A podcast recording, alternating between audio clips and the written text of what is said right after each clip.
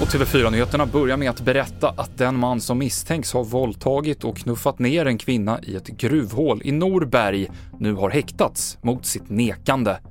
Mannen är i 40-årsåldern och tidigare dömd enbart för eh, bötesbrott.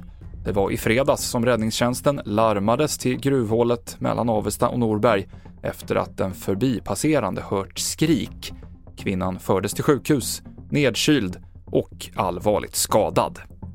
Ryssland utvisar fyra svenska diplomater. Det beskedet kom idag och det är ett svar på att Sverige i början av april utvisade tre ryska diplomater som man menade sysslade med olaglig underrättelseverksamhet. Men det kan vara en svår avvägning när man ska utvisa diplomater, säger vår utrikeskommentator Lisa Grenfors. Därför att man behöver ju ha personal på plats som kan eh, få information och fånga upp eh, fakta och hålla i olika kontakter som man då behöver.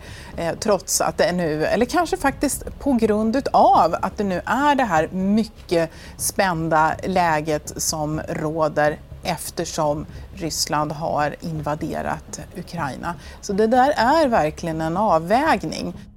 Och idag så kom kungahuset med sin årsredovisning och för första gången så visas det hur mycket de olika medlemmarna av kungafamiljen får av apanaget. Att hovet är ju lite grann som ett företag och man ser lite grann vad har de för semesterersättningar som är innestående, hur ser övertidskontot ut? Där kan det ju finnas en del överraskningar där man kan titta lite grann på hur sköts företaget kungahuset lite grann. Eh, så där finns det mycket att skärskåda.